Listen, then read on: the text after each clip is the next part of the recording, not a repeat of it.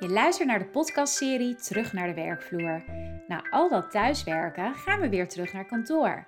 In deze serie praat ik met inspirerende bedrijven over hoe zij dit aanpakken. Welke uitdagingen komen ze tegen? Hoe bouwen ze aan een gelukkige werkcultuur? En welke lessen nemen ze mee uit de afgelopen periode? Ik ben Wendy van Wijngaarden en ik ga helemaal aan op werkgeluk. Met mijn bedrijf Jouw Wending help ik werkgevers te groeien met de juiste mensen en verloop en verzuim te verminderen. Gelukkige en betrokken medewerkers zijn daarin de sleutel. Met terug naar de werkvloer wil ik je inspireren om de ultieme werkomgeving voor je medewerkers te creëren.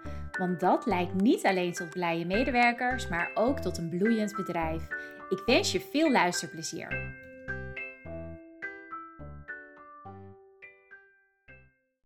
Erwin, welkom in de podcast. Ja, dankjewel Wendy. Wij zitten hier uh, in, jouw, uh, in jouw kantoor in Soest. Of is het Soesterberg? Waar valt het? Nee, dit is uh, Soest. Oh, dat is echt Soest. Zit hier ja. echt hartjecentrum Soest zit hier. ja, nee, dat is een fijne, fijne plek om, om te hebben. Um, mocht je als luisteraar nou iets van omgevingsgeluid horen, dan is dat uh, de buurman in het kantoor hiernaast die uh, heel hard praat. maar we hopen dat dat, uh, dat, dat weggefilterd is. Um, heel erg leuk dat je er bent. Nou ja, wij hebben pas al op het terras uitgebreid zitten, zitten kletsen. Ja, waar ik een microfoon bij weer... moet zetten. Hè? Dan, ja, dan waren we klaar geweest. ja, inderdaad. Um, maar goed, je bent nu bij terug naar de werkvloer. En ja, wij hadden het daar ook over op het terras dat, dat jouw, ja, jouw achtergrond is net wat anders dan de meeste mensen die ik, uh, die ik heb gesproken. Omdat die vanuit, uh, ja, als een werkgever uh, erin zitten van hoe ga ik met mijn bedrijf terug naar de werkvloer.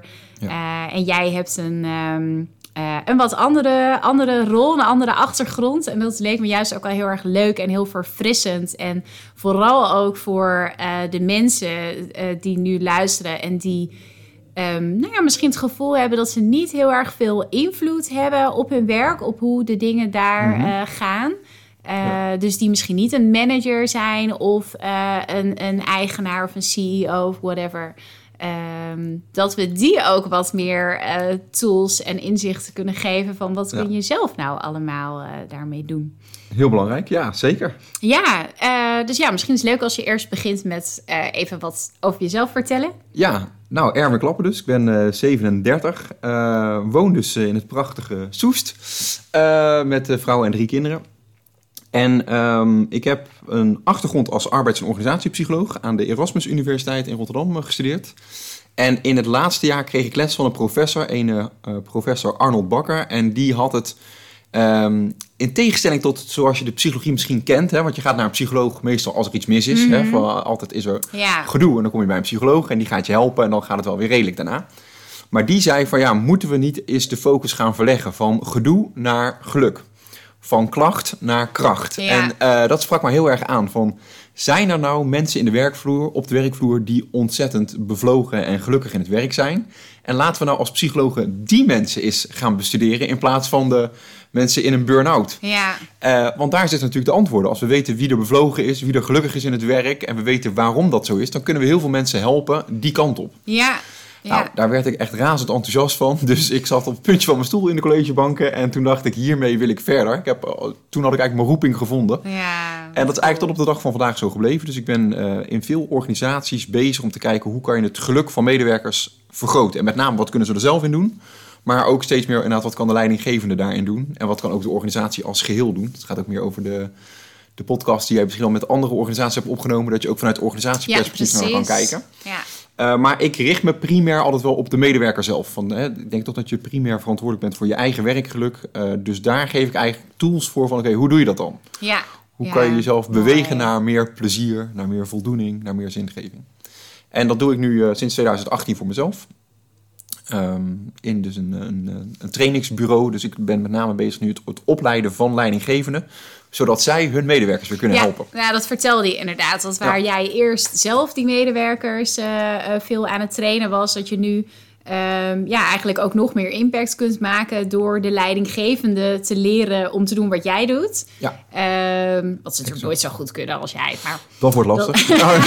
nee, nee maar... dat is, dat is uh, zonder gekheid. Wat ik wel merk is dat Sorry, je hebt nog geen vraag gesteld, maar wat ik, wat, ik, wat ik daarover wil zeggen is... Het valt mij dus op dat de leidinggevende over het algemeen echt er niks van bakt in hun rol als coach. Zeg maar, Mhm. leidinggevenden ja, hebben gewoon niet echt geleerd wat coachen is. Nee, Ze hebben nee. wel heel goed geleerd wat adviseren is. Dus ze kunnen wel heel goed zeggen: jij moet dit doen, jij moet dat doen, eh, dat project moet je niet doen, dat project moet die opleiding Ja, moet je wel doen. Ja, Maar dat is nog iets heel anders dan mensen kunnen coachen. absoluut. En nou, daar ben ik zo bij aan het helpen van hoe doe je dat dan? Weet je, hoe kan je met, nou ja, jij weet ook alles over het coachvak. ja, Eh, en dat is superleuk, want dat, daar is een wereld te winnen. Ja, inderdaad. Ja, dus om ze daarin eh, te faciliteren, zodat zij hun teams weer eh, wat beter, eh, beter kunnen faciliteren. Exact, ja, Ja, heel dat, cool. dat is het. Ja. nou ja, en je hebt ook aan een, aan een boek meegewerkt. Die, die ligt bij mij op de salontafel. ik, ik gaf net al aan je toe van ja, hij ligt er nog steeds. Ik ben er nog niet aan begonnen. Dat is niet, Shame. dat is niet omdat het boek me niet leuk lijkt, want het lijkt me heel erg leuk. maar omdat ik gewoon, ik, ik moet van mezelf eerst het ene boek uitlezen voordat ik aan het volgende boek mag beginnen. Oh, dat vind ik knap. Ik ben al met vijf boeken tegelijk I bezig. know. Dat is- Maar, eh, ja, tenminste, ik wist niet dat jij dat ook had. Maar ik heb dat dus ook. Dus Ja, ja, ja, eh, ik ben juist nu mezelf aan het aanleren om, eh, om dus één boek tegelijk te lezen. Maar Oh, eigenlijk wat twee goed. tegelijk. Één non-fictie en één fictie. Oh ja. Eh, daar en dan tussen non-fictie voor het slapen gaan of niet? Dat je dan makkelijker in Eh, slaap valt? Of Nee, zo? juist de fictie voor het slapen Oh, sorry, dat bedoel ik. Ja, dat Ja. bedoel ik. Ja. Dat, je, dat je ontspannen eh, Ja, gaat precies. slapen. Ja, ja, ja. Ja, ja, of als ik gewoon even geen zin heb om na te denken, dan lees ik, eh, dan lees ik fictie inderdaad. Maar verder is het heel veel eh, non-fictie. Eh, en voor wie nu aan het luisteren is, eh, blijf vooral even hangen tot het eind. Want we hebben nog een leuk eh, cadeautje van Erwin wat met het boek eh, te maken heeft. Ehm, nou ja, en ja, we zitten dus hier nu op jouw kantoor. Je hebt het eh, misschien al gehoord, maar er is één vraag die ik altijd eh, stel in deze podcast-serie. En dat is, hoe ziet jouw ideale werkplek eruit? Ja, dat is een leuke vraag. Ehm, nou, dan kijk ik dus al snel naar wanneer ben ik het gelukkigst. Zeg maar, wanneer, in welke Ja. werkomgeving ben ik nou het meest Ja. gelukkig? En ik merk dat ehm, als je mij zeg maar, een theaterzaal volgeeft met leidinggevenden, met HRM'ers, met coaches die echt intrinsiek gemotiveerd zijn om met werkgeluk aan de slag te gaan voor hun Mhm. medewerkers. eh, en ik mag ze daar wat over vertellen, dan ben ik op mijn allergelukkigst. Dus, eh, en ik merk ook hoe groter de zaal, hoe beter ik word op de een of andere Oh, wauw. manier. Ja. Dus ik ben eigenlijk vrij slecht één op één eh, met coach of met podcast. Weet je. Aha. ja, ik Oh jee. wilde het niet zeggen, maar... Ik doe mijn best vandaag. Maar ehm, eigenlijk hoe groter de groep, hoe beter ik ben. En eh, dan ben ik eigenlijk op mijn allergelukkigst. En dat zou dan ook mijn meest ideale werkplek zijn. Gewoon Ja. voor een zaal eh, spreken. Ehm, en vervolgens, en dat merk ik wel ook dankzij de coronacrisis... eh, als je ze vervolgens online verder mag helpen. Dus ik ben me nu helemaal aan het verdiepen in Zoom. En hoe werkt dat? Mhm. Ja. Hoe kan je daar ook optimale impact bereiken? Nou, ik merk dat die combinatie best goed gaat nu. En Mhm. dat, eh, ja, dat maakt mij gelukkig. Dus dat is een beetje ideaal. Ja. Is, ideaal is ook een soort hybride dus nu. Ja, ja, ja. ja dus, dat, dus dat is een combinatie van... eh, nou ja, eigenlijk zou hier... Je hebt, je hebt hier je kantoor, maar eigenlijk zou je ook gewoon eh, buiten een groot podium eh, moeten staan. Ja, ja, ja. dan, dan heb je alles op één plek. Maar die combinatie van aan de ene kant... eh, nou ja, echt, echt gewoon in een fysieke ruimte zijn met veel mensen... en daar eh, mensen mogen inspireren... En aan de andere kant om dan eh, online eh, op misschien op wat kleinere schaal door te kunnen ja, pakken. dat ze echt kunnen coachen daar. Eh, dan, ja. klopt. Dat is voor mij de, de meest ideale werkplek. En dat heeft ook wel veel met mijn karakter te maken. Ik merk dat ik vrij extravert ben. Dus ik Mhm. heb wel echt het contact met anderen nodig. Nou, dat heeft corona ook wel uitgewezen. Ja, dat het niet mijn meest florerende periode was. Omdat ik wel gewoon op een gegeven moment de mensen mis. Het contact mis met mensen. Eh, dus ik ben ook mezelf nu heel erg gaan dwingen om ja, mensen zoals jij ook te ontmoeten en daar echt op uit te gaan om te kijken, hey, hoe kom ik weer in contact? Ja, Uh, maar ik merk dus dat het ook met mijn werk zo is. Dat ik dan ook echt uh, ja, wat meer in flow kom als ik uh, met veel mensen in contact mag ja. zijn. Ja dat, dat, uh, ja, dat is echt de typische extravert, hè? dat je Ja. daar energie van krijgt. Dat- Ik merk dat zelf uh, ook heel erg, inderdaad. Heel herkenbaar. Ja. Is dat dan ook voor jou ehm, de, de, de grote uitdaging geweest van, van de afgelopen tijd? Dat, uh, dat, je, dat je dat contact dus veel minder had? Absoluut, ja. Ik moet zeggen, um, als ik kijk naar wat de impact voor mijzelf is geweest van corona, dan is het enerzijds, kan je zeggen, heel erg dankbaar dat er iets is als internet. Want dat heeft mijn bedrijf uh, gered, zeg Ja. maar. Als we dat, uh, Ja. nou, twintig jaar geleden, al, als dit gebeurd was, dan was ik uh, nu failliet geweest. Want ik heb dankzij, door, dankzij het internet nog heel veel kunnen laten doorgaan. Ehm, eh, ja, en daarvoor had ik ook de, de mazzel dat ik gewoon eh, ja, een goed gevulde agenda had van eh, de, hele, de hele week kunnen reizen, zeg maar, Mhm. van, van Groningen naar Maastricht, naar Rotterdam, naar, naar Enschede. Ehm, maar dat, dat hield dus in één klap op. Dus Ja. eh, nou ja, dankzij het internet, dat is het voordeel geweest van de coronacrisis, dat ik door kon gaan. En het nadeel is wel ja, dat ik op een gegeven moment me... Maar goed, daar ben ik eh, vast en zeker niet de enige in in Nederland. Maar dat ik wel steeds meer een soort sociaal isolement voelde. Van wow, ik ben wel heel erg me aan het afzonderen nu. En Ja. wanneer kom ik weer eens een keer in contact met mensen? En niet alleen via zo'n schermpje, maar ook gewoon eventjes gewoon eh, face-to-face. Eh, dus dat heb ik... eh, nou, dat was wel een mooie eye-opener voor mezelf. Van jeetje, hoe kom ik weer meer in contact? Ja, ja, het ook herkenbaar. Volgens mij hebben wij het daar ook over gehad, misschien toen we op het terras eh, zaten. En dat, ik, ik heb het daar ook wel met vriendinnen over gehad, dat het ook bijna een soort visieuze cirkel leek. Dat doordat je minder in contact komt met andere mensen, waar je, nou als je extravert bent zoals wij, dan krijg je daar energie van. Eh, dus op het moment dat je dat niet hebt, dan heb je dus minder energie. En dat, dat ik ook steeds meer eh, het idee kreeg van... oh, maar het is ook eigenlijk wel prima. Ik hoef ook niet zoveel af te spreken met mensen. ja, En eh, dus dat ik ook niet eens meer in de gaten had dat ik het, dat ik het miste. En Ja. op die manier dat het... eh, ja, het was, het was bijna een soort neerwaartse ja spiraal... exact. Ja. Eh, van, eh, dat, ik, dat ik meer zin had om op de bank te liggen dan, eh, eh, dan eindelijk eens een keer wel met vriendinnen af te spreken. Exact, ja. En het is heel herkenbaar inderdaad. Dat had ik ook, dat je op een gegeven moment inderdaad kom je steeds meer in een soort isolement. En ik merkte ook dat deed ook wel wat met mijn gemoed. Met, mijn, met mijn humeur. Dat ik dacht, nou, eh, het is al net niet depressief, maar moet wel, Ja. moet wel zorgen dat ja, het op een of andere manier... precies. Ja, ja. Ja. dat, eh, ja, dat ik, ik, ja, ik denk dat het bij mij vooral was dat ik het allemaal wel, wel prima vond. Ik was er gewoon heel gelaten onder. ehm, maar veel minder energiek en, eh, en, Ja. en sprankelend dan ik normaal gesproken ben. En normaal Ja. gesproken vind ik het juist altijd heel leuk om af te spreken met mensen. En ja, op het moment dat je dat dan niet meer mist, dan het duurde vrij lang voordat ik door had van hé, hey, maar dit is eigenlijk heel raar. Dit, dit past helemaal niet bij mij. Dat, Nee. ik zo, dat ik zo graag zoveel thuis op de bank zit. Nee, ja, het, is Dus wel, het is wel dat- leuk dat je het zegt, want het is de meest dominante emotie van 2020 is ontsprankeling. Dus- oh, Ja, mensen zijn niet depressief, maar Mhm. zijn zeker ook niet aan het floreren, maar zitten er eigenlijk gewoon tussenin. Hey, ja. ouderwets Nederland is een beetje ja, verpieteren, weet je wel. Je Ja. bent gewoon een beetje aan het verpieteren. Dus, nou Ja. ja, poeh. Ik zeg wel eens, de prik is een beetje uit de cola, weet je Ja, wel. Ja. ja. Nou ja, het smaakt niet meer echt lekker. Dus ja, een beetje, je gaat doelloos, eh, loop je een beetje door het leven en je hebt ook niet heel veel zin in de toekomst. Ehm, ja, dat is een emotie die heel veel Nederlanders de afgelopen tijd hebben gehad. Oh, dat kan ik me Ehm, heel goed voorstellen, ja. Ja, ja, ja. En op termijn is het natuurlijk wel schadelijk, weet je wel. Je moet het wel op een gegeven moment... Ja. wel- Je moet het wel, er moet er wel iets aan gaan doen, denk ik. Ja. Want nou, dat laat ook wel onderzoek zien... dat het ook alweer een verhoogde kans heeft op eh, eh, posttraumatische stress... als mensen daar heel lang met Oh, zo'n wauw. ontsprankeld gevoel mee eh, blijven Ja. doorlopen. Dus, eh, Wat nou, dat betreft is het heel erg eh, fijn dat we weer, eh, nou ja, dat, dat het normale leven weer een Ja, beetje op gang... dat het weer een beetje open ja, gaat al. op hè? Nee, komt, Absoluut, ja. ik ben er zelf erg blij mee. en wat was er voor jou, als je kijkt naar jouw opdrachtgevers? ehm, want jij hebt online nog steeds ja, ook doorgewerkt en organisaties geholpen de afgelopen periode. Mhm. Ehm, wat waren uitdagingen waar zij zoal tegenaan liepen? Was dat anders dan voor eh, alle lockdowns en dat soort dingen? Nou, het, het, het leuke is dat als je kijkt naar de drie basisbehoeften van ieder mens, dus ook van iedere medewerker, zit dat op autonomie. Hè? Dus Mhm. heb, ik, heb ik beslisruimte. Ja, Ehm, hoe zit het met de verbinding? Dus zijn we positief verbonden met elkaar, maar ook verbonden met het hogere doel van de organisatie.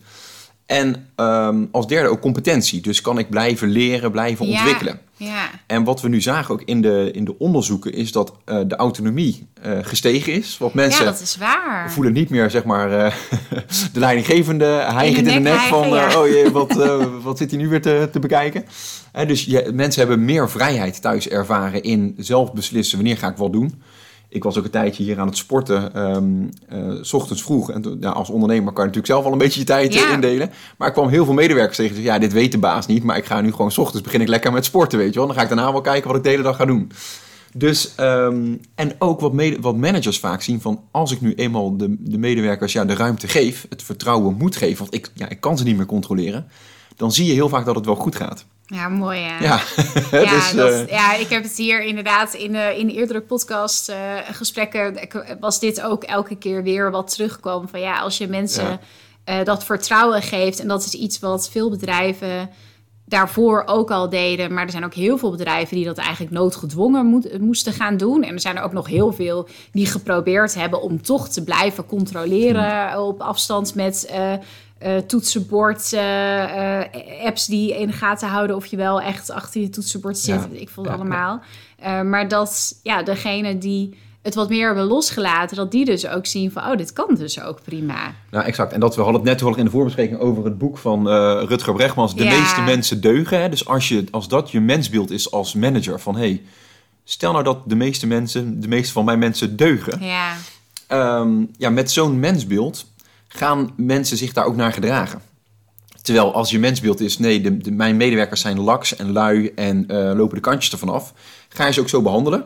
En ga je ze ook zo, dan, dan, dan worden je gedachten ook werkelijkheid. Dus je creëert ook Ja. een beetje, eh, het, ja, het is een soort self-fulfilling ja ik prophecy. wou hè? zeggen, self-fulfilling prophecy Ja. inderdaad. Eh, als jij Dus- dat gedrag verwacht en mensen daarna gaat behandelen, dan eh, is dat ook wat je terug gaat krijgen. Klopt. Dus ja, dat merkte ik dus, maar dat, dat het met autonomie een stuk beter is gegaan. Ja, Maar dat het met die andere twee basisbehoeften, de behoefte aan verbinding met elkaar. Nou, Ja. dat spreekt voor zich, daar hadden we het net al over, dat dat een stuk minder is geweest. ja, Maar ook de behoefte van medewerkers om te blijven leren en te ontwikkelen. Eh, ja, heel veel opleidingen, heel veel trainingen zijn ook stopgezet. ja, dus mensen konden natuurlijk online wel met allerlei gratis webinars zo zichzelf ontwikkelen. Maar toch, als, je, als we kijken naar de cijfers, zien we dat ehm, competentie, het gevoel om ja, je vak te kunnen bijhouden door, door te, te groeien, te ontwikkelen, te leren, dat dat ook eh, fors gekelderd is de, de afgelopen tijd. Ah, en is dat dan ook omdat werkgevers, eh want ik kan me voorstellen dat nou ja, heel veel bedrijven hadden eh, zoveel andere dingen aan hun hoofd de afgelopen tijd, dat het ook gewoon even geen prioriteit had en dat, ehm, ja, hoe zeg je dat, de ontwikkelgesprekken, de loopbaangesprekken, dat, dat die misschien ook gewoon even op de lange baan eh, zijn geschoven. Of Ja, dat, dat budgetten voor opleidingen werden bevroren. Ja. Of was het meer bij die medewerkers zelf? Dat ze, zeiden, dat ze dachten van ja, dan moet ik het online doen, vind ik moeilijk. Ik, eh, ik wacht wel even. Ja, nou, het, het- bijvoorbeeld wat je heel vaak terug hoort is dat ehm, voorheen hadden we nooit zo'n, ja, hadden we eigenlijk weinig waarde gehecht aan ehm, het eh, koffieapparaatgesprek. Hè? Dat je bij de koffie even zegt, hey, hoe is het met je? en, en hoe is het thuis? En eh, nou, dat zou je als leidinggevende richting je medewerkers vaak... eh, tijdens de koffie heb je zo'n gesprek van, joh, hoe is het ermee? Ja, En dan kom je ook vaak op dit soort onderwerpen van, joh, en wil je nog eens een, een, een training volgen of een opleiding? Hè? Zeker als mensen struggelen met bepaalde dingen, kan je gewoon door in dat gesprek te gaan met elkaar, ehm, ja, kan je, kan je ook gaan helpen. ja. En nu ja, die begint... informele momenten, die vielen natuurlijk eh, heel erg weg. Iedereen exact. eh, kwam eh, stipt op tijd in zijn Zoom-call Ja. of in zijn Teams-call binnen. Inderdaad, en dan mag je nog hopen dat ze de camera en het geluid aanzetten. Hè? en, maar als ze dat niet doen, ja, dus het wordt voor een leidinggever natuurlijk ook in die zin, als je geen aandacht hebt voor die simpele vraag, hey, hoe is het met je? Ja, dan wordt het dus heel lastig om ook te weten waar heeft mijn medewerker behoefte aan. Ja. Nou, kijkend naar die drie basisbehoeften van autonomie, verbinding en groei. Ja, als je niet dat informele gesprek ook online weet te voeren, ja, dan wordt het een, eh, dan wordt het een lastig verhaal om ook te peilen van hey, waar zit nou precies die behoefte? Dus ik denk Ja. dat dat er ook wel onder ligt. Dat eh, we heel snel in de inhoud zijn gedoken online. Maar dat ook heel veel leidinggevenden vergeten zijn om stil te staan bij hoe is het nou? Hoe het thuis? Hè? Je komt in één keer thuis te zitten met drie eh, gillende kinderen Ja. en eh, een Jij vrouw spreekt die... nu uit ervaring. ik, ik noem maar even een voorbeeld. Ja. dus, Twee eh, gillende katten kan ook vervelend zijn, kan ik je heel ja. Ja, weet je, en dat, dat is natuurlijk voor ieder huishouden, of je single bent of een gezin met drie kinderen. Ieder huishouden heeft zo zijn uitdaging gehad de afgelopen periode. Ja, Dus ehm, ja, maar ik denk dus dat het daar voor een belangrijk deel in zit. Dat die, dat, dat echte gesprek er niet of in mindere mate is geweest. En dan weet je dus ook niet waar je mensen kan helpen. ja. ja en, dat, zal- en ik denk dat dat dus ook dan effect heeft op de verbinding. eh, omdat medewerkers dan dus ook ja, de minder betrokkenheid voelen vanuit hun leidinggevende. Absoluut. Eh, en je zit toch al heel veel thuis. Ik hoor het ook wel van coaches die ook op een punt komen dat ze, dat ze denken van ja, ik weet eigenlijk niet. Ik vind het gewoon allemaal niet zo leuk meer op mijn werk. Maar ik weet eigenlijk niet zo goed of het nou komt omdat ik niemand meer zie. Eh, Of dat ik het echt niet leuk meer vindt. Ja, ja, exact. Van waar zit het hem nou in? Ja, ja. maar dat ze wel merken van ja, die verbinding, dat, dat, dat is wel weg. Uh, en, maar ik weet ook niet of dat het enige is wat het weer gaat oplossen, waardoor ik mijn werk wel weer leuk ga vinden. Nou, dat is interessant, want dat zie je nu heel veel gebeuren. Dat mensen natuurlijk anderhalf jaar hebben kunnen reflecteren op hun werk. Ja. En dus je ziet nu ook dat veel meer mensen gaan switchen van baan. dat, ja. En of dat nou inderdaad komt door die verbinding, of dat het echt in de inhoud van het werk zat, ja, dat is dan even de vraag inderdaad. Ja. Uh, maar het valt mij wel op, in mijn, alleen al in mijn directe omgeving zie ik dat mhm. heel veel vrienden, uh, nou ook mijn partner heeft nu ook uh, een switch gemaakt. Mm dus ja, dat is, wel, uh, dat is wel iets wat mij opvalt. Ja. ja, ik heb zelf ook wel het idee, want ik, ik las daar ook een artikel over, dat in de VS zie je nu echt een soort stuw meer ontstaan van ja. uh, mensen die allemaal van baan beginnen te, uh, te wisselen. Um, ik, dus ik heb zelf ook wel het idee dat heel veel mensen dat eigenlijk toch al wel van plan waren. Ja. Uh, maar het de afgelopen tijd ook niet durfden, omdat het allemaal te spannend was. Ja. Uh, en dat nu iedereen dusdanig gewend is aan de situatie hoe het nu is en genoeg vertrouwen heeft. Dat, uh, ja. dat we echt op, op de weg omhoog zijn. En dat er niet nu ineens een enorme economische crisis nee, gaat exact. komen. waarin ze hun baan kunnen kwijtraken. Dat, uh, dat ze zich nu veilig genoeg voelen om die stap te zetten. Maar dat ze dat misschien anderhalf jaar geleden eigenlijk ook al wilden. Alleen dat ze het niet durfden. Maar dat zal ook wel een beetje een combinatie zijn waarschijnlijk. Ja, maar ik denk wel dat corona veel heeft blootgelegd... van wat eigenlijk onder de oppervlakte al wel speelde. Ja. Of het dan gaat in werk of in relaties of in gezondheid... of nou, noem maar even alle levensdomeinen... dat ja, doordat je nu zo in één keer tot stilstand wordt gebracht... komen er dingen naar boven die anders... eigenlijk in de, in de red race kwamen die niet helemaal niet uh, naar boven. En dat zie je dus op werkgebied ook zo. Dat mensen lange tijd hebben kunnen nadenken van ja, is dit het nou eigenlijk wel? Weet je wel, wil ik dit nog zoveel jaar gaan doen? Ja. Of, uh, ja, en, en dat is dus dat als al het leuke van uh, collega's en teamuitjes, uh, als dat allemaal wegvalt en ja. alleen nog je werk blijft over. Ja. ja, voor sommige mensen komen er dan achter van ja, maar dan ja, eigenlijk vind ik mijn werk dus helemaal niet zo leuk. Het, nee. Alles eromheen maakt dat het wel te doen is. Maar als dat allemaal wegvalt, ja, wat, wat heb ik dan nog? Ja, ja je, hebt, je mist de jus bij de aardappel, zeg maar. Ja. het is een beetje, ja, die, die, die, die, die aardappel zelf, die uh, smaakt niet zo lekker. Maar ja. Mooie, ja. mooie vergelijkingen met eten en drinken, trek jij steeds. oh ja, de prik van de cola hadden we ook al. Ja. Ja, dat, maar dan blijft het een beetje hangen bij de luisteraar. ja. hey, en wat is dan, want ja, je noemde dat werkgeluk uh, uh, net al, of sorry, het, uh, die verbinding net al even. Wat zou voor jou dan een, um, ja, wat, wat raad je werkgevers aan die dat ook merken? Van nou, die verbinding is, dat mag echt wel weer een, een boost krijgen. Ja, dus, Heb je daar ideeën over? Kijk, de simpelste manier hadden we het net al over. Hè, van ja, vraag gewoon eens hoe, hoe het met je medewerkers gaat. Ja. Ik denk dat, en dat gewoon één op één. Nou, dat kan online prima, maar dat kan natuurlijk ook gewoon eens mensen ja. uitnodigen voor een wandeling hè, in, ja. in, in, in, de bos. Lijkt die, me... die informele gesprekjes weer, uh, weer gaan opzoeken. Gewoon echt eens even uit pure interesse van, joh, we zijn nu anderhalf jaar verder. Hoe is het ermee? Hoe heb je deze storm doorstaan? Weet je wel? En uh, het is mooi als je natuurlijk ook een sfeer van vertrouwen en veiligheid weet te cre creëren, waarin mensen zich ook gaan openen. Dus dat vraagt vaak ook kwetsbaarheid en raakbaarheid vanuit de manager zelf. Hè? Dat als die eerst eens begint met, joh, wat, hoe was mijn struggle de afgelopen mm -hmm. periode? En daar gewoon ook eens eerlijk over vertelt. Ook over zijn of haar momenten van ongeluk de afgelopen yeah. periode. Ja, dan opent dat vaak de deur wel voor, voor medewerkers om ook eerlijk te zijn over wat zij voelen en ervaren.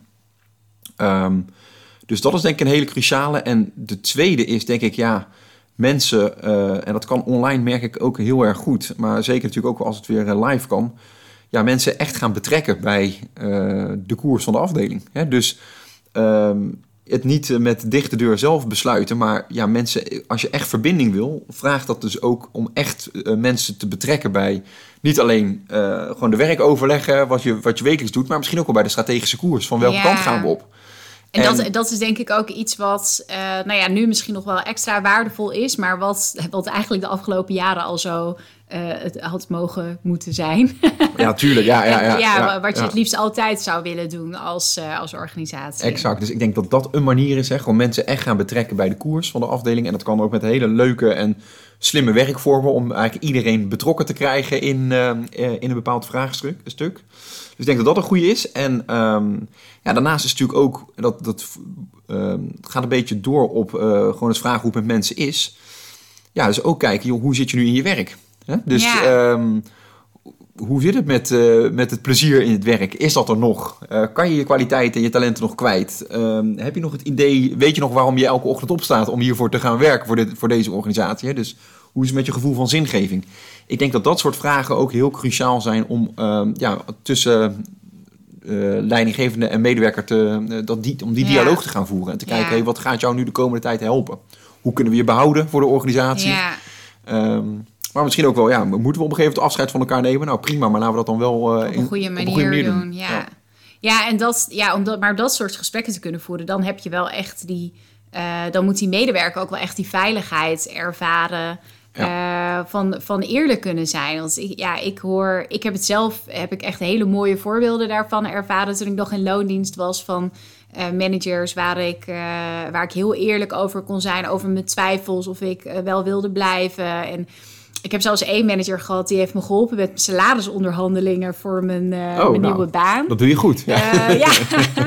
ja, dus, dat, dus, dus ik heb daar zelf hele mooie voorbeelden van, van ehm, meegekregen. Maar ik heb ze ook juist de tegenovergestelde gehoord. Eh, Ja. Ik heb ook op een advocatenkantoor eh, gewerkt... waar de nodige eh, zaken voorbij kwamen van werknemers... die nou ja, werden aangeklaagd door, Ja. door de werkgever... om de meest idiote redenen. Maar ja, wat heel vaak gewoon te maken had met de werkgever die boos was. Oh, ja. En ja. Dus ja, dat, die, zo'n veilige omgeving. Want als je dat niet hebt, dan durven mensen natuurlijk ook niet Nee. eh, zich erover uit te spreken. Dan, dan durven ze niet te zeggen van ja, ik weet het eigenlijk niet zo goed. Of dat dit het nog wel is. En Klopt. eh, is dan ook door gewoon maar dat soort gesprekken te gaan voeren en daar dat ook wat, wat structureler te doen met je medewerkers, is dat ook een manier waarop je dus dat wat meer kunt gaan creëren, dat dat vertrouwen gaat groeien. En Ja. en ja, die kwetsbaarheid, dus jezelf ook Ik denk dat kwetsbaar dat, opstellen als ik denk, ik denk dat, dat het daarmee begint. Ja, dus als je dat durft, en dat vraagt natuurlijk wel moed hè, van een Ja. leidinggevende, want ja, je hebt ook veel eh leidinggevenden die zeggen, ja, maar moet ik dat nou wel gaan doen? Want dan eh, gaan ze zeggen, oh, nou heb je hem met zijn klachten, heb je al eens naar mij gekeken, hè? Waar, waar, waar heb je het over? Hè? Dus het is natuurlijk wel moeilijk eh, om dat op een goede manier te doen, maar ik denk dat het wel heel erg helpt als je zelf gewoon laat zien, joh, ik ben ook maar een mens van vlees en bloed en ik, ik heb ook me, genoeg zorgen aan mijn hoofd en... ehm, ja, dat, dat is, is vaak voor me- medewerkers wel een soort van... eh, Oké, nou dan voel ik me ook uitgenodigd om wat te gaan vertellen. Ja, En het dan werkt vaak één op één denk ik nog beter dan dat gelijk in en plein publiek te doen. Hè? Als je mensen wat me meer... eh, voorstellen. dus ja, waar we het over begonnen. Het is toch een beetje die coachingsvaardigheden als leidinggevende... die toch wel heel erg belangrijk zijn, denk ik. Om, Ja, ook om dat soort gesprekken te kunnen Ja. voeren. En om inderdaad niet meteen, wat jij aan het begin al zei, om heel erg in de adviserende rol te gaan zitten. ja, Eh, want dat, ja, dat is ook wel een beetje een misverstand wat er vaak over coaching bestaat. Dat je dan eh, heel erg aan het adviseren bent. Maar dat, eh, ja, dat is toch echt wel wat anders dan, dan dat je aan klopt. het coachen bent. Ja, weet je, de, de antwoorden eh, zitten natuurlijk in die persoon Ja. zelf. Hè? Dus de vraag is van ja... Plaats eigenlijk die medewerker op een voetstuk. En hoe kan je die nou, ja, hoe kan je daar een kunstwerk van maken? Hè? Hoe kan je die, en natuurlijk heeft hij daar zelf een verantwoordelijkheid, maar dan Ja. kan je als, als leidinggevende kan je daar ook heel veel in doen. Om, eh, nou, om meer autonomie, om weer, meer Ja. verbinding, meer competentie eh, te bieden. Weet je wel, als je die basisbehoeften voedt, ja, dan doet het al heel veel met medewerkers. Ja, ja dus het eh, jezelf kwetsbaar op durven stellen. en ehm, ja, echt oprechte aandacht hebben voor, voor je medewerker. Even de, het werk ook durven loslaten. En, eh, en eh, meer over ja, van mens tot mens met elkaar Exact. te praten. In plaats van van manager tot, eh, tot medewerker. Dat is natuurlijk het mooiste. Hè? Bij wijze van spreken alsof je bij elkaar in de, naast elkaar in de kroeg zit. Zo-. Zo'n gesprek zou natuurlijk het mooiste zijn. En natuurlijk ook benadrukken de vertrouwelijkheid van het gesprek. Hè? Dus dat je ook zegt, nou, we bespreken dit met z'n tweeën. En dat, dat gaat hier de kamer niet uit, wat je mij vertelt. Hè? Dat kan ook wel vaak helpen. Dat soort si- simpele Ja.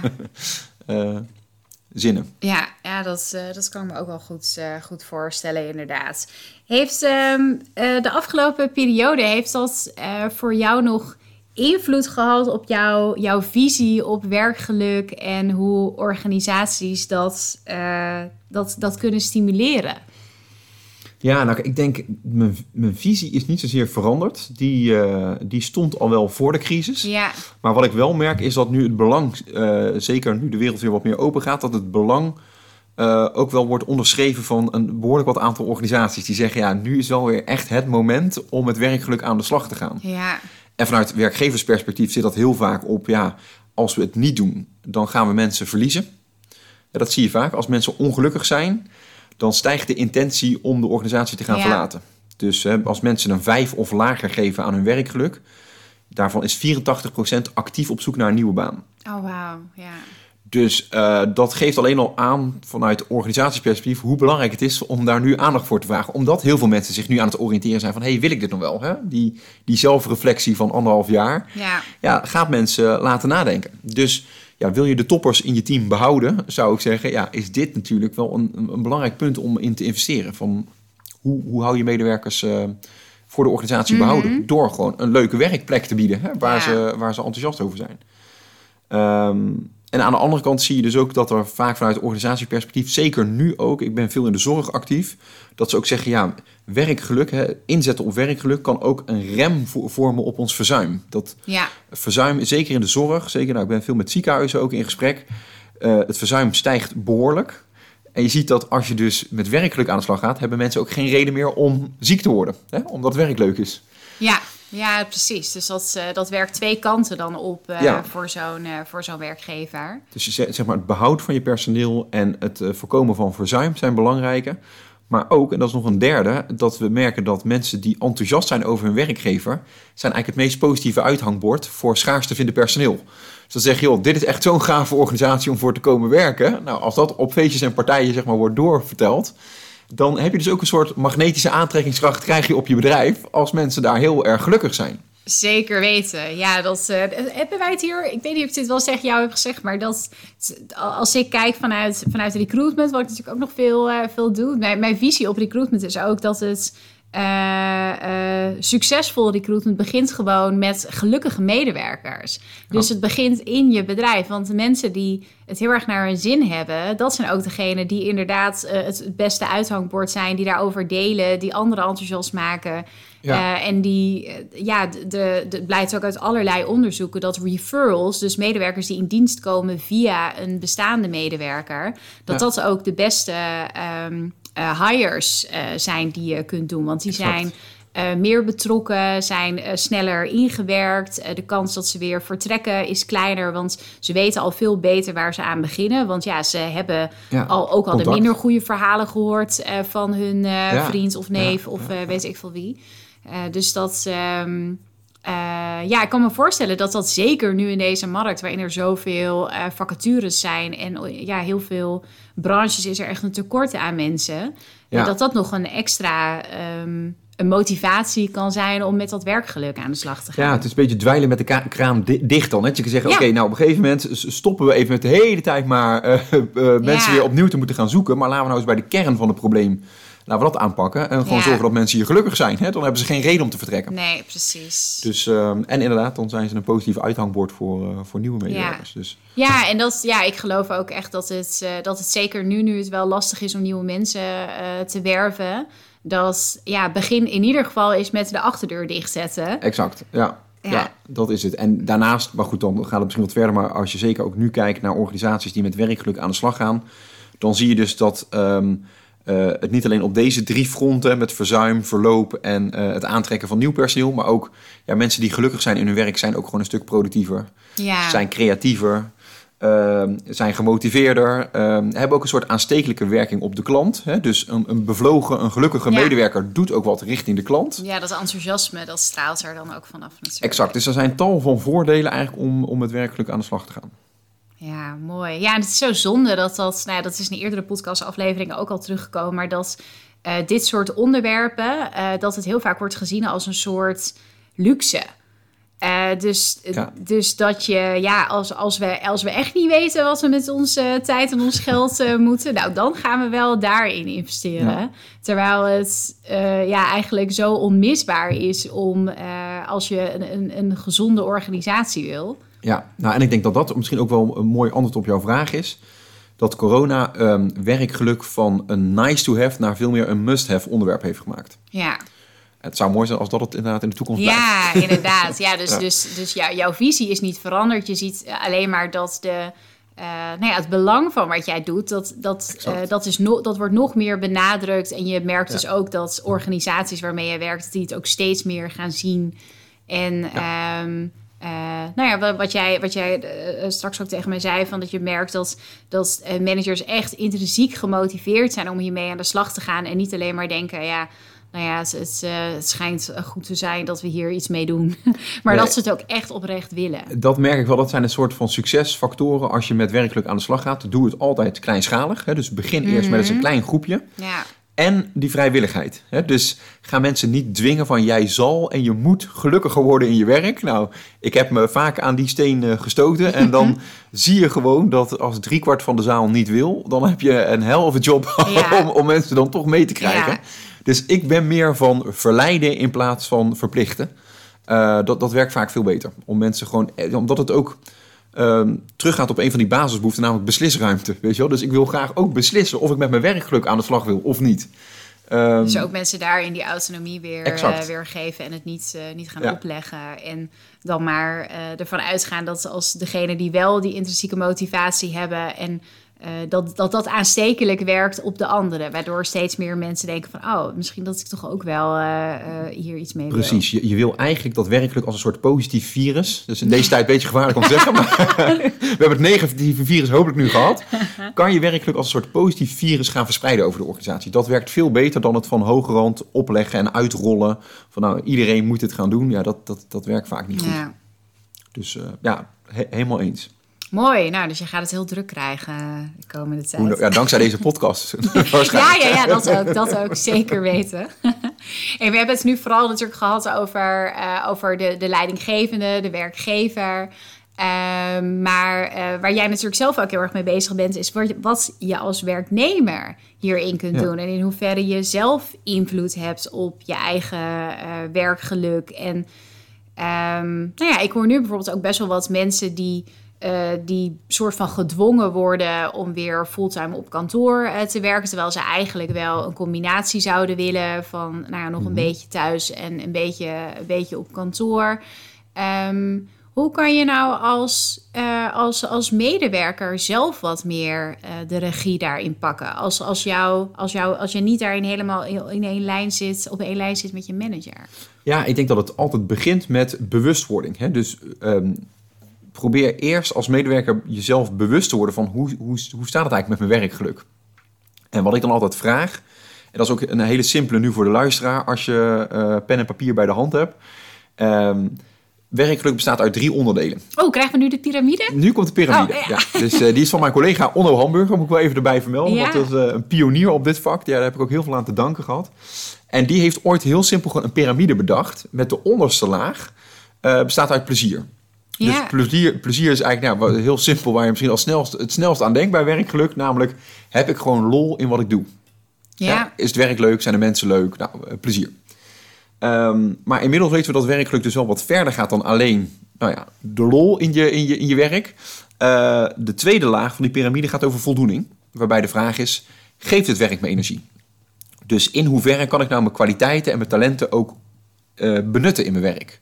Ja. Of dus dat, dus dat het niet alleen maar gezellig is, maar dat je ook echt iets, iets bijdraagt met, uh, met, met wat je doet. Ja, dat, dat je dus in ieder geval weet van nou, hier ben ik heel erg goed in. En dit geeft me ook energie. Hè, dus dit zijn taken die ik heel erg leuk vind om op te, op te pakken. Dat, uh, uh, en als dat zo is, dan eh, scoren mensen over het algemeen heel hoog op voldoening. Ja. En aan de andere kant zie je het ook misgaan als mensen zeggen ja ik, ik sta iedere ochtend op en eigenlijk weet ik al, ik kan de helft van mezelf thuis laten, figuurlijk gezien, want daar wordt toch geen beroep op gedaan. weet je? Dus ik kan eigenlijk helemaal mijn potentieel niet benutten.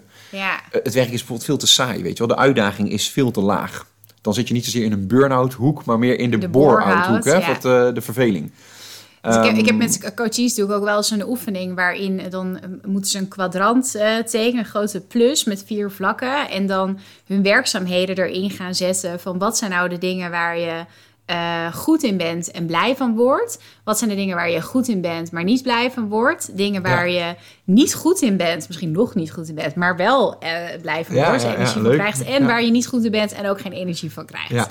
Uh, en je ziet dat, nou ja, des te meer ze hebben in het vlak van uh, hier ben ik goed in en ik krijg er energie van, ja, dan, dan ben je met de juiste, met de juiste exact, dingen ja. bezig. Ja, maar dat, dat is een, hele, een heel goed onderscheid wat je maakt. Want dan is het inderdaad, dan spreek je ook over flow en over voldoening. Ja. Maar als mensen dus heel vaak worden ingezet op een kwaliteit die geen energie geeft, ja, is dat een enorme energielek. Hè? Dus Ja. zeggen, joh, Ans, doe jij nog een keer de planning, want daar ben je zo goed in. Maar Ans denkt, ja, ik, ik, ik, ik, ik, die, kan eh, heel goed plannen, maar dat geeft... Excel. Ja, maar ik, ik ben er toevallig wel goed in, maar het geeft mij geen energie, Nee. weet je wel. Dus eh, dat probeer ik ook altijd wel eh, medewerkers, maar ook leidinggevenden mee te geven.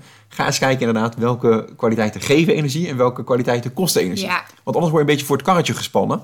En voor je het weet doe je dat jarenlang en loop je ondertussen gewoon eh, Ja. eh, leeg qua energie. Ja, precies. En, dat, en dat, dat is natuurlijk, ja, als je ergens onbekend staat, dat je ergens goed in bent, dan is het ook logisch dat je steeds weer daarvoor gevraagd wordt. Mhm. Ehm, en dan kun je dus als werknemer op een gegeven moment daarin, nou ja, misschien in een eh, ontwikkelgesprek of loopbaangesprek of zo, het daar eens over hebben. Maar als manager is het dus ook wel goed om je daarvan bewust te zijn en om misschien Ja. ook je mensen te stimuleren om daar af en toe eens bij stil te staan van, kijk nou eens naar wat je doet in een week.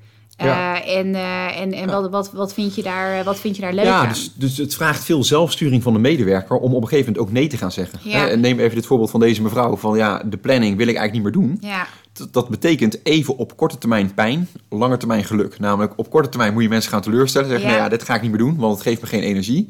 Dus dan kunnen medewerkers teleurgesteld zijn. Hè? Collega's zeggen, ja, Ja. wat maak jij me nou? Je doet toch altijd de planning? Ja. Eh, maar op de lange termijn is dat voor haar veel duurzamer eh, qua werkgeluk. ja, Dus eh, dat is de tweede laag voor de, Mhm. van de piramide. Dus naast plezier heb je de, de, de middelste laag eh, gaat over voldoening. En de bovenste laag gaat over zingeving. Waarbij de vraag is, ja, waarom doe je dit werk? Hè, welke, welke bijdrage lever je met je werk? Kun je je idealen verwezenlijken?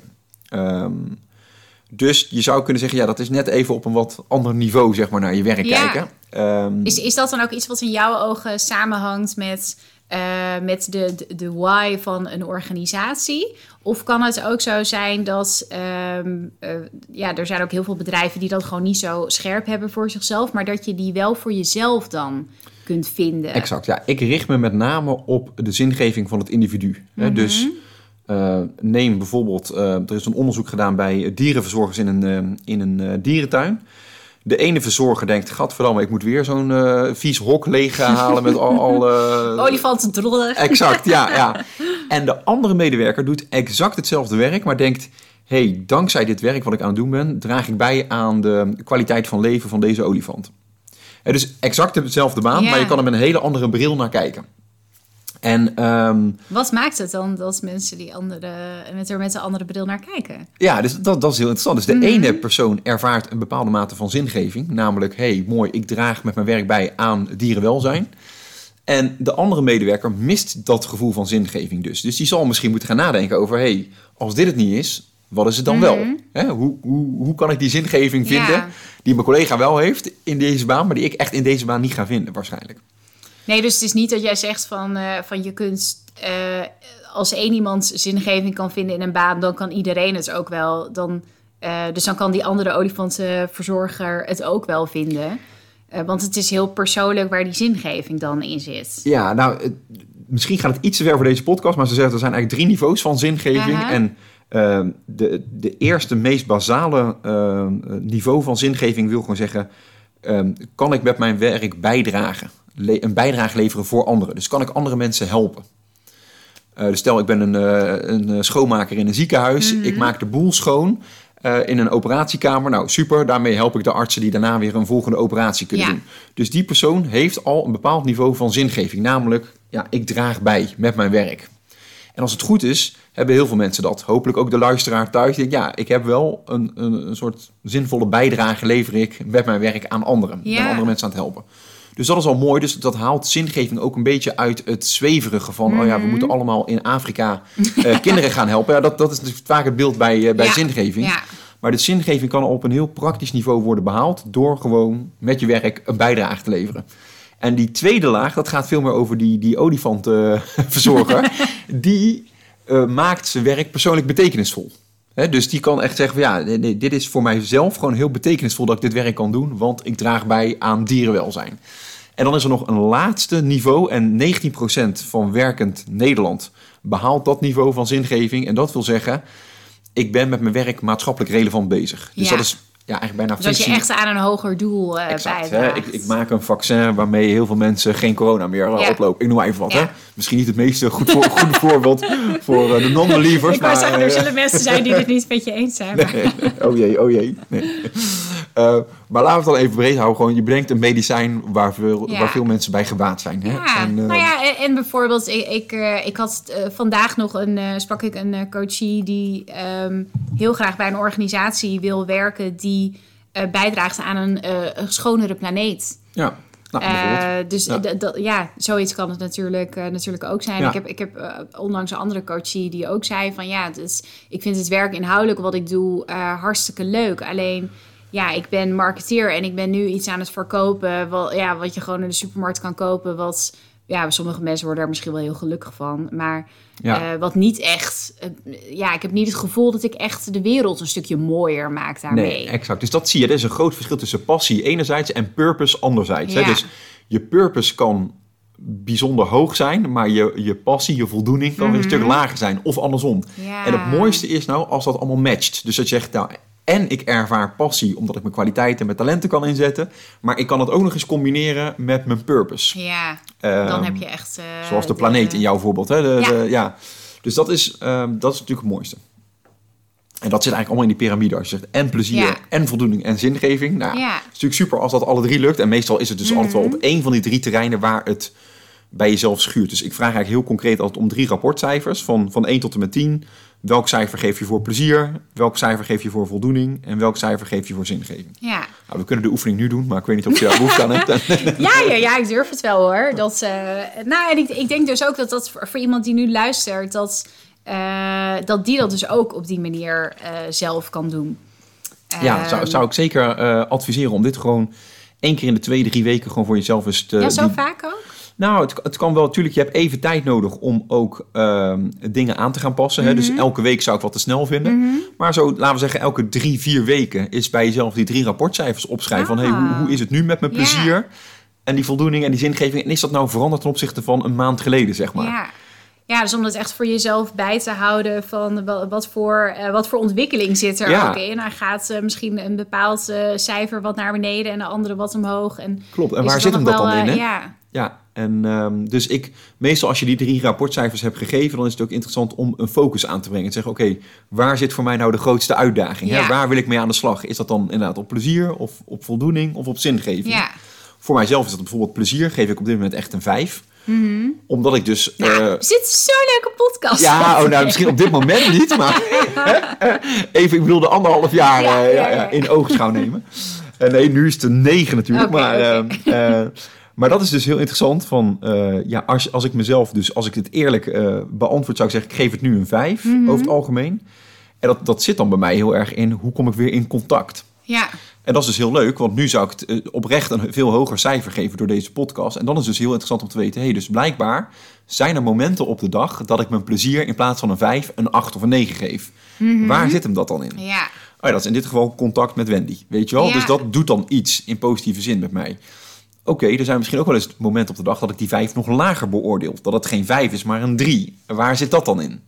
Dus dat noemen ze de range die je dan kan aanbrengen. eh, van, van normaal gesproken een 5, maar af en toe heb je een positieve uitzondering en af en toe heb je een negatieve Mhm. Ja. uitzondering. En waar zit dat hem dan in dat je die uitschieters hebt eh, naar boven Exact. en naar beneden? En ja, ik kan me dan ook wel voorstellen dat als je het, ehm, als je dit, nou ja, bijvoorbeeld elke drie weken, dat je even eh, hierbij stilstaat.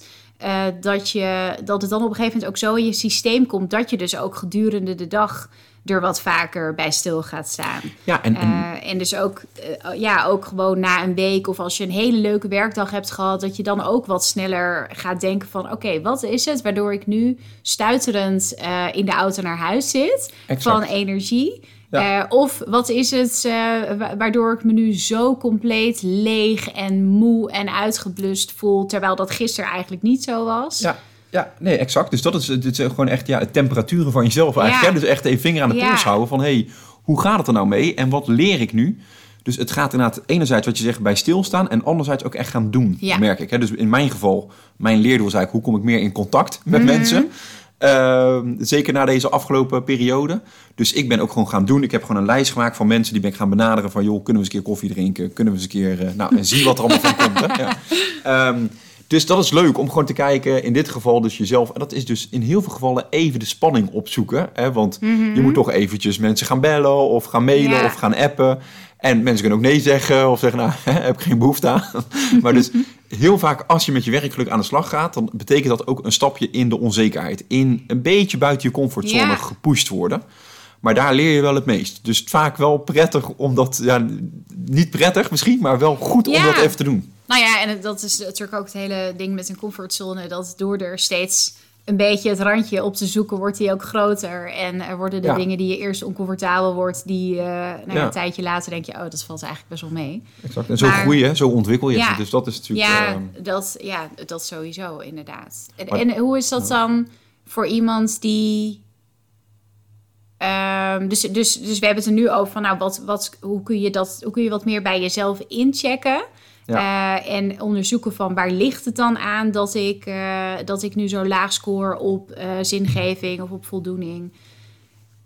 In hoeverre heb je daar als medewerker dan invloed in, in jouw eigen functie? Of wat zou je dan daarin kunnen doen? Als jij merkt dat bepaalde werkzaamheden, dat je daar heel erg op leeg loopt. Dus waar we het net over hadden met dat kwadrant. Dat eh, ja, jij doet die oefening en je ziet van ja, eigenlijk zit het grootste gedeelte van mijn werkzaamheden op het stuk. En ik krijg er geen energie van. En ik ben er eigenlijk ook niet heel goed in. ja. Ehm, ja, dus dan is de vraag eigenlijk van hoe kan je veel meer je grenzen gaan aangeven? Waarschijnlijk, hè, in dit geval. Mhm. Eh, dus neem nog even dat voorbeeld van die vrouw die die planning moet doen. Die moet dus op een gegeven moment leren van... hey, dit geeft geen energie. Hè? Om even in jouw kwadrant te spreken, geeft ja. geen energie. Ehm, ehm, sorry, wat was het andere onderdeel van jouw kwadrant ook weer? Dus het- het- Eh, je bent er niet goed in. niet goed in, Nee, nou, ik ben, stel, ik ben er niet goed in en het geeft geen energie. Ja, dan betekent dus, ja, dan moet je eigenlijk gaan stoppen met die taak. Hè? Ja. En durf je dat dus aan. Dus dat is even dan de spanning vaak Mhm. opzoeken van met een leidinggevende bespreken, met je team gaan bespreken. Jongens, dit, dit, dit werkt voor mij gewoon niet. Dit wil ik niet meer gaan doen. Ehm, en vaak kunnen mensen daar enorm tegen opzien. Maar zodra ze het gaan doen, valt het mee. dus, ja, eh, ja dat, dat is inderdaad ook wel zo. Dat ehm, eh, nou ja, heel veel mensen van tevoren denken van... nou, dat ga ik nooit voor elkaar krijgen. ja. Eh, en het daarom al niet eens proberen. En, en soms ook maar gewoon een andere baan dan gaan zoeken... omdat dat makkelijker lijkt. Ja, ja. Een, een makkelijkere oplossing lijkt dan is met je leidinggevende gaan praten... en kijken van, hey, kunnen we iets in mijn functie... Klopt. Kunnen we daar wat, wat jobcrafting in doen? Ja, want dat is het eigenlijk. Daar spreekt Ja. over. Dus heel veel mensen kiezen liever voor de zekerheid van ongeluk... ja. in plaats van de onzekerheid van geluk. Dus dat is ook een beetje de keuze die je dus hebt van ja, vind jij het oké om nog de komende tien jaar een beetje, nou ja, te verpieteren in een ongelukkige Ja. baan? Of zeg je nou, het is nu mooi geweest en ik kies nu die stap in de onzekerheid, die me uiteindelijk in de long run gaat me dat meer geluk brengen. Ja, wat op korte termijn even, even ongemakkelijk is. En op lange Ja. termijn ga je er veel meer uithalen. Dus, eh, je kunt geen omeletje bakken zonder een eitje te breken, zeggen ze. Om er nog even één metafoor in te gooien.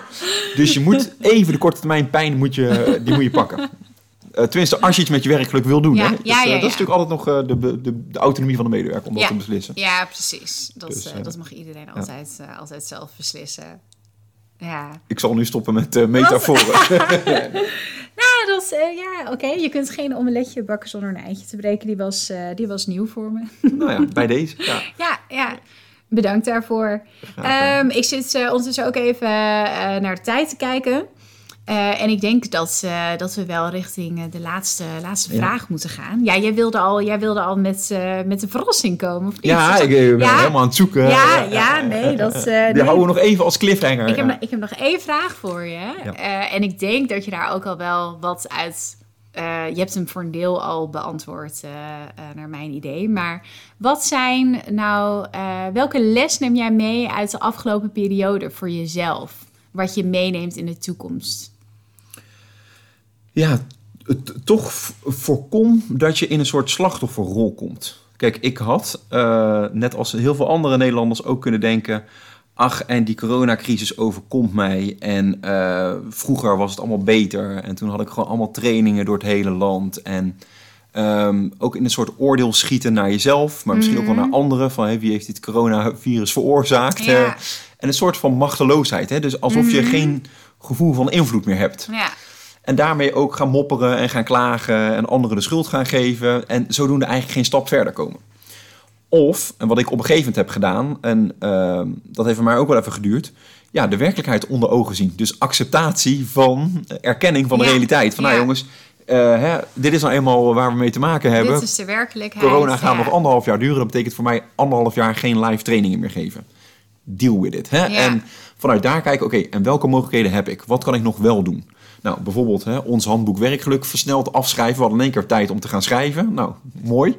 En ehm, nou, inmiddels ehm, ben ik toch leuk bezig om ook online veel mensen Ja. te helpen. Ehm, dus je ziet dat eigenlijk in heel veel lastige situaties heb je twee keuzes. Kies je voor slachtofferschap, waarbij je, nou ja, je een beetje echt aan het denken in problemen, eh, eh, dat je daaraan doet.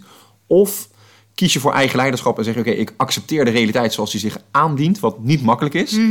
Maar kijk ik vervolgens, oké, waar zit mijn invloed? Welke ruimte heb ik nog wel? Ja, en zodoende wat kan ik er nog aan veranderen? Ja. dan heb je toch veel Ja. meer eh, invloed over de situatie en kom je ook weer makkelijker bij je kwaliteiten en je talenten. ja. Eh, en daarmee ook dus veel meer effectief en oplossingsgericht gedrag dan eh, alleen maar eh, te jammeren en eh, als een soort Calimero door het leven te gaan. dus voor van Calimero, Cali Hero. Dat is eigenlijk wat ik mensen adviseer. Dus je mag best even klagen en mopperen. Maar op een gegeven moment eh, is het denk ik ook goed om proberen de realiteit te accepteren. En, eh, Dat Klopt, ja. Ja, en, dat, en dan is het accepteren, daar zit dan ook nog wel een verschil in van accepteer je het echt en eh, ehm, eh, ik, ik hoorde pas eh, iemand, een psycholoog, en die noemde het niet accepteren, die noemde het eh, houden van. Dus dat je echt, dat je, dat je echt volledig ehm, ja, overgeeft aan de situatie zoals die is. En houden van, het klinkt dan een beetje overdreven, maar dat Ja, het klinkt wel heel anders dan accepteren. Want accepteren kan ook weer voor mensen zijn van dat het meer is van ja, ik slik het maar. Ik ben het er eigenlijk Ja, niet mee ja. eens, maar Ja, ja, ja. ik eh, leg me er maar bij neer. ja. Eh, en daar zit nog wel heel erg een verschil in dat je, eh, dat je dus, want als je zegt van ja, ik, eh, ik, ik, ik ben het er niet mee eens, maar ja, ik slik het maar, dan Ben je het eigenlijk nog niet ermee eens? Nee. nee, precies. Ja, ja, ja. En, dan, eh, en dan kom je ook niet echt uit die slachtofferrol. Nee, dat is waar. Dus je, je hebt wel, eh, en dan is de stap, vind ik dus inderdaad van naar houden van best wel groot. Dus ik denk dat het wel toch te maken heeft met een soort van erken je de realiteit. Ja. Van nou ja, je kan je verzetten hè, tegen iets, maar je kan ook zeggen, ja, eh, corona in dit geval is er nou eenmaal. Ja. Hè, dus ja, om nou te houden van corona weet ik niet, maar Nee. ik kan wel de situatie erkennen. Weet je wel? Ja. Ik denk, oké, het is er gewoon. En, en vanuit daar, ik noem het ook wel acceptatie met opgestroopte mouwen. Hè, je moet daarna wel Ah, iets gaan doen. Dus het is niet een soort passief van, nou ja, het zal maar zo zijn zoals het is. Maar het is meer van, oké, ik erken het en daarna ga ik kijken wat kan ik doen. Ja, ja. Oh ja, dat is wel een mooie, mooie toevoeging. Een soort, eh een soort ja, opgestroopte muis. Een soort oplossingsgerichte acceptatie van niet... ik laat het allemaal maar over me heen komen.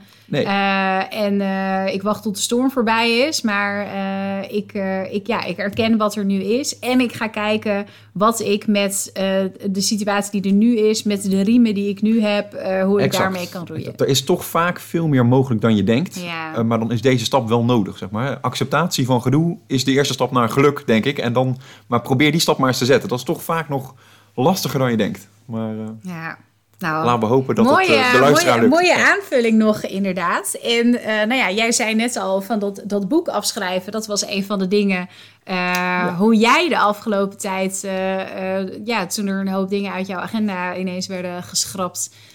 wat je toen met die tijd hebt gedaan. Ja, ja, mijn invloed aangewend. En ehm, ja, Ja, wat, wat ik leuk zou vinden voor de luisteraar als, ehm, als je daar behoefte aan hebt. eh, we hebben een aantal hoofdstukken van het handboek werkelijk hebben we eh, gratis beschikbaar gesteld. Dus als mensen maar even op LinkedIn een berichtje sturen. eh, dus mijn naam is Erwin Klappen. En dan even een berichtje sturen met, nou laten we zeggen even één woord. nou, een paar woorden. Terug naar de werkvloer. Hè? Oh ja, als ze dat mooi, eventjes mooi. naar mij een berichtje sturen, dan weet ik genoeg. En dan stuur ik een paar van die hoofdstukken gratis en voor niets Ah, ehm, in een e-book vorm naar hen toe. Dus dan kunnen ze dat in ieder geval lezen. ja, ja, hele leuke, eh, leuke manier ook eh, voor mensen die hier meer over weten, willen weten. Om Exact. daar eh, zich eens Ja. wat meer in te gaan verdiepen. Tof. Nou ja, ik, eh, ik wil je heel erg bedanken voor het leuke gesprek. En eh, eh, voor alle, eh, alle, alle etenswaren. die Ik krijg er vergelijkingen. trek van. Jij ook? Ja. In een omeletje of iets. Ja, precies. Ja, cola zonder prik. Ja, dat, nee, daar heb ik dan weer geen trek in. maar nee, ik wil, ik wil je erg bedanken voor, voor je enthousiasme en, uh, en je energie en uh, het leuke gesprek. Graag gedaan. Jij bedankt voor de gelegenheid, voor de uitnodiging. Ook heel